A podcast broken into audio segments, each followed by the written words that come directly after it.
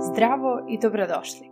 Ja sam Kristina Pavićević, a vi slušate još jednu epizodu mog podcasta koji ima za cilj da podigne profesionalizam mrežnog marketinga koji se obavlja online, da ujedini industriju i ponovo je učini poželjnom apsolutno svima.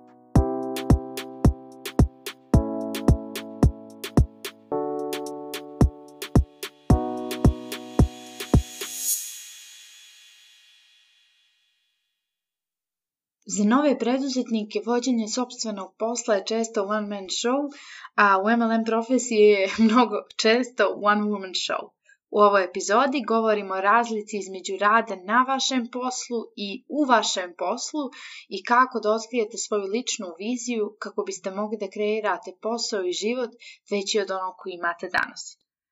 Ovo je zaista važan razgovor koji moramo da imamo posebno ako ste neko ko se našao uhvaćen u zamci koja je poznata kao hustle i ako ste neko ko je dio hustle harder kulture. Vidite, kada se više trudite u svom poslu, to vas može dovesti samo do jedne stvari. I to je da radite u vašem poslu. Tačnije, kao da radite za nekoga. Kada radite u svom poslu, trošite svoje vrijeme na upravljanje svojim poslom kakav je on danas. Razmislite o svim stvarima koje morate da uradite samo da biste održali svoj trenutni rang i trenutni nivo. Imamo postojeće članove tima koje treba da podržimo. Imamo klijente kojima radimo follow-up. Imamo sistem podrške i ono što zapravo mislimo je držanje za ruke, motivisanje i razni pokušaj da se ljudi u timu pokrenu. To nam oduzima mnogo vremena, a onda pored toga još moramo da upravljamo društvenim mrežama, imamo Facebook grupu, imamo više Facebook zajednica, imamo grupna časkanja koja se dešavaju apsolutno svakog dana i treba da se uvjerimo da smo u toku. A zatim da ne zaboravimo pozive za obuku i sve druge stvari. Mislim, postoji duga lista stvari za koje zaista osjećamo da moramo da ih uradimo samo da ne bismo išli unazad. Ali problem je što ne vidimo napredak. Pogledajte kada radite samo u svom poslu, evo kakav je to osjećaj. Stalno se osjećate zaglavljeno jer se stvari rade onako kako treba i kako se od nas očekuje. Označavate stvari koje su na vašoj to-do listi zadataka, ali ne osjećate se kao da napredujete ka bilo čemu što je veće i što je smislenije. Kada radite u svom poslu i kada se više trudite, apsolutno vam nije jasna vizija nije vam jasna velika slika i zaboravljate vaše zašto koje stoji iza vašeg poslovanja. Nalazite se na ovoj traci za trčanje koja je zapravo traka vrtoglavice, stresa, preopterećenosti i ja znam da je za mnoge od vas ovo mjesto gdje će se zaista vrlo brzo naći. I to je tako smiješno, jer znate, Počeli smo da mnogo pričamo o konceptu gužve, o toksičnoj hustle kulturi koja postoji u ovom prostoru, posebno za ljude koji su u mrežnom marketingu.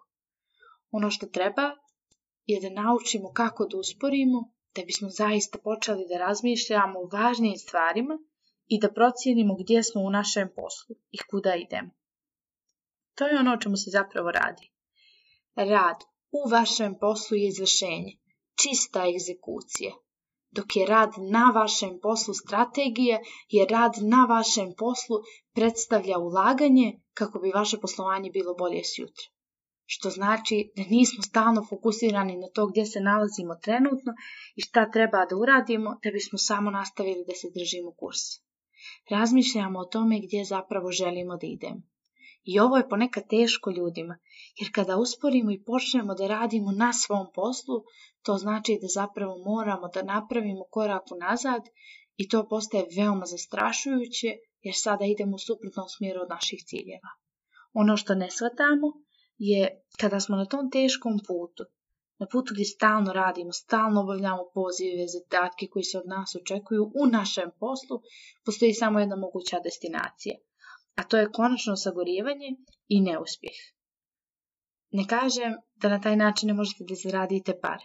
Mogli biste izgraditi financijski uspješan posao, ali nikada nećete imati slobodu i nikada se nećete osjećati ispunjenim tim radom.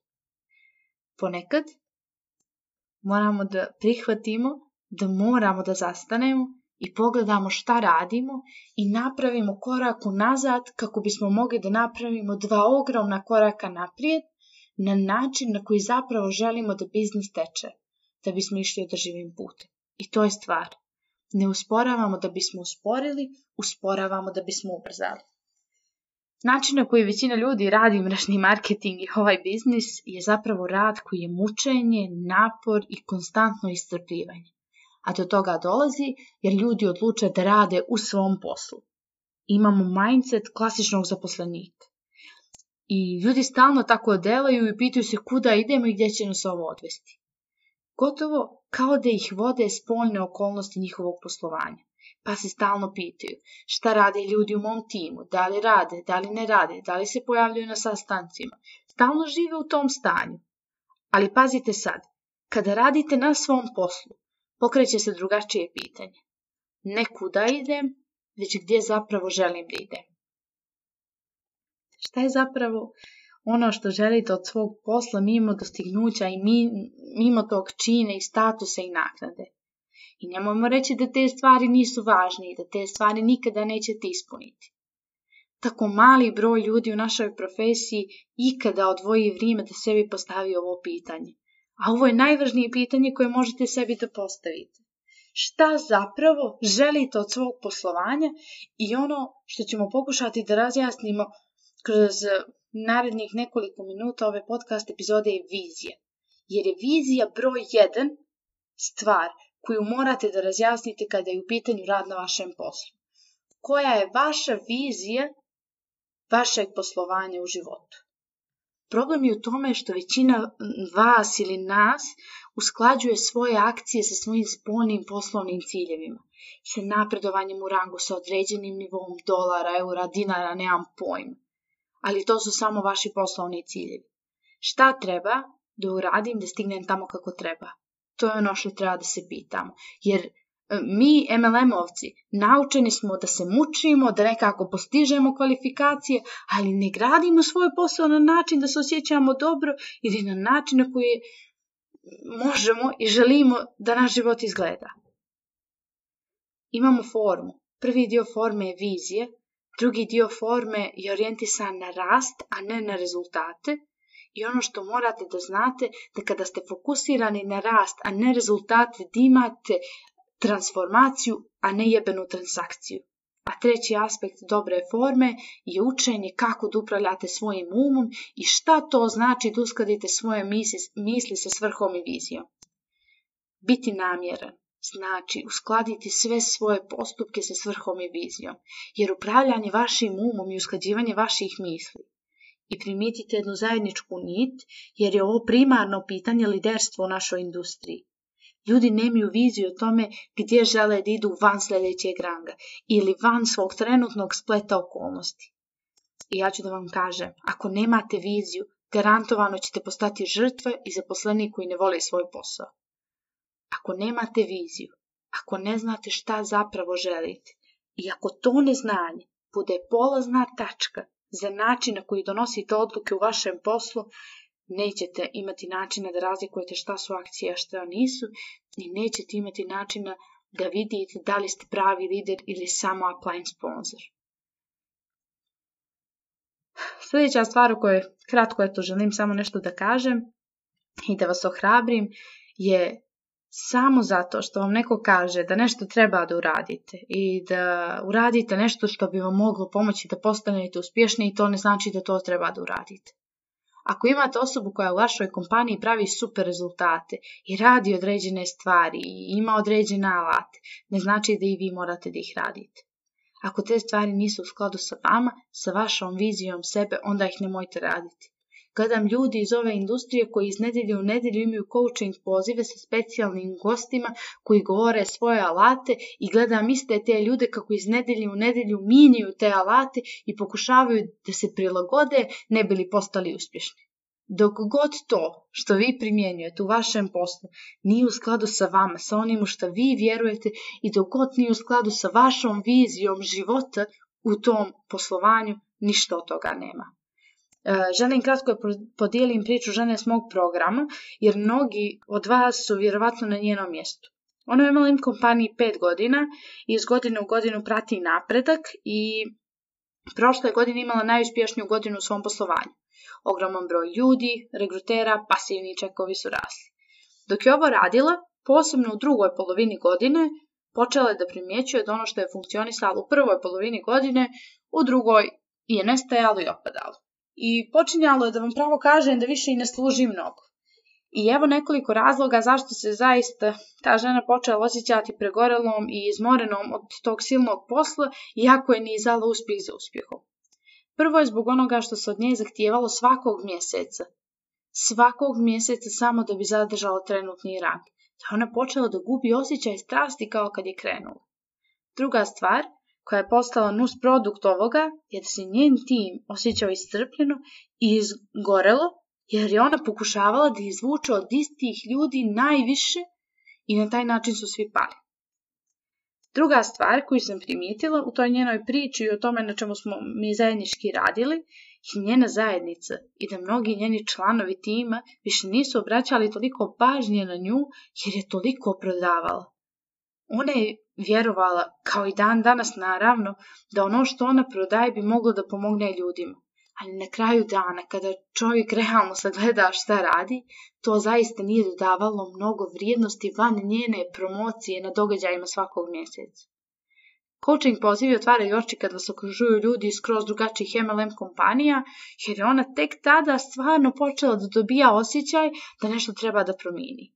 A ja se kladim da mnogi od vas vjerovatno se nalaze u istoj ili sličnoj poziciji žurite, radite sve što treba sa to-do liste, vaš posao raste, imate veću zaradu, stvari kao da idu u pravom smjeru. Ali duboko u sebi osjećate da to nije u redu i počinjete da dobijate osjećaj da ovo što radite nije održivo. Jer da vi panete i da vi ne stanete na mjesec dana, vašeg posla ne bi bilo.